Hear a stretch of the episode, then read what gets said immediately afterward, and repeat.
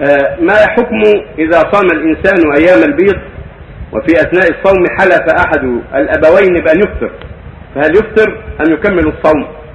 بر الوالدين واجب وصوم البيض مستحب فلا يقدم المستحب على الواجب إذا كان والداه يعطفان عليه ويخافان عليه من لأن في وقت شدة الحر أو ما أشبه ذلك أو لأنه يعطل أسبابا تنفعهم يعطل ما ينفعهم ويحتاجون إليه من حاجات البيت من البيع والشراء. والحرث والفلاحة ونحو ذلك وهم في حاجة إلى ذلك فالمقصود إذا كان قصدهما خير خيرا وطيبا فليجيبهما ولا يصوم النافلة.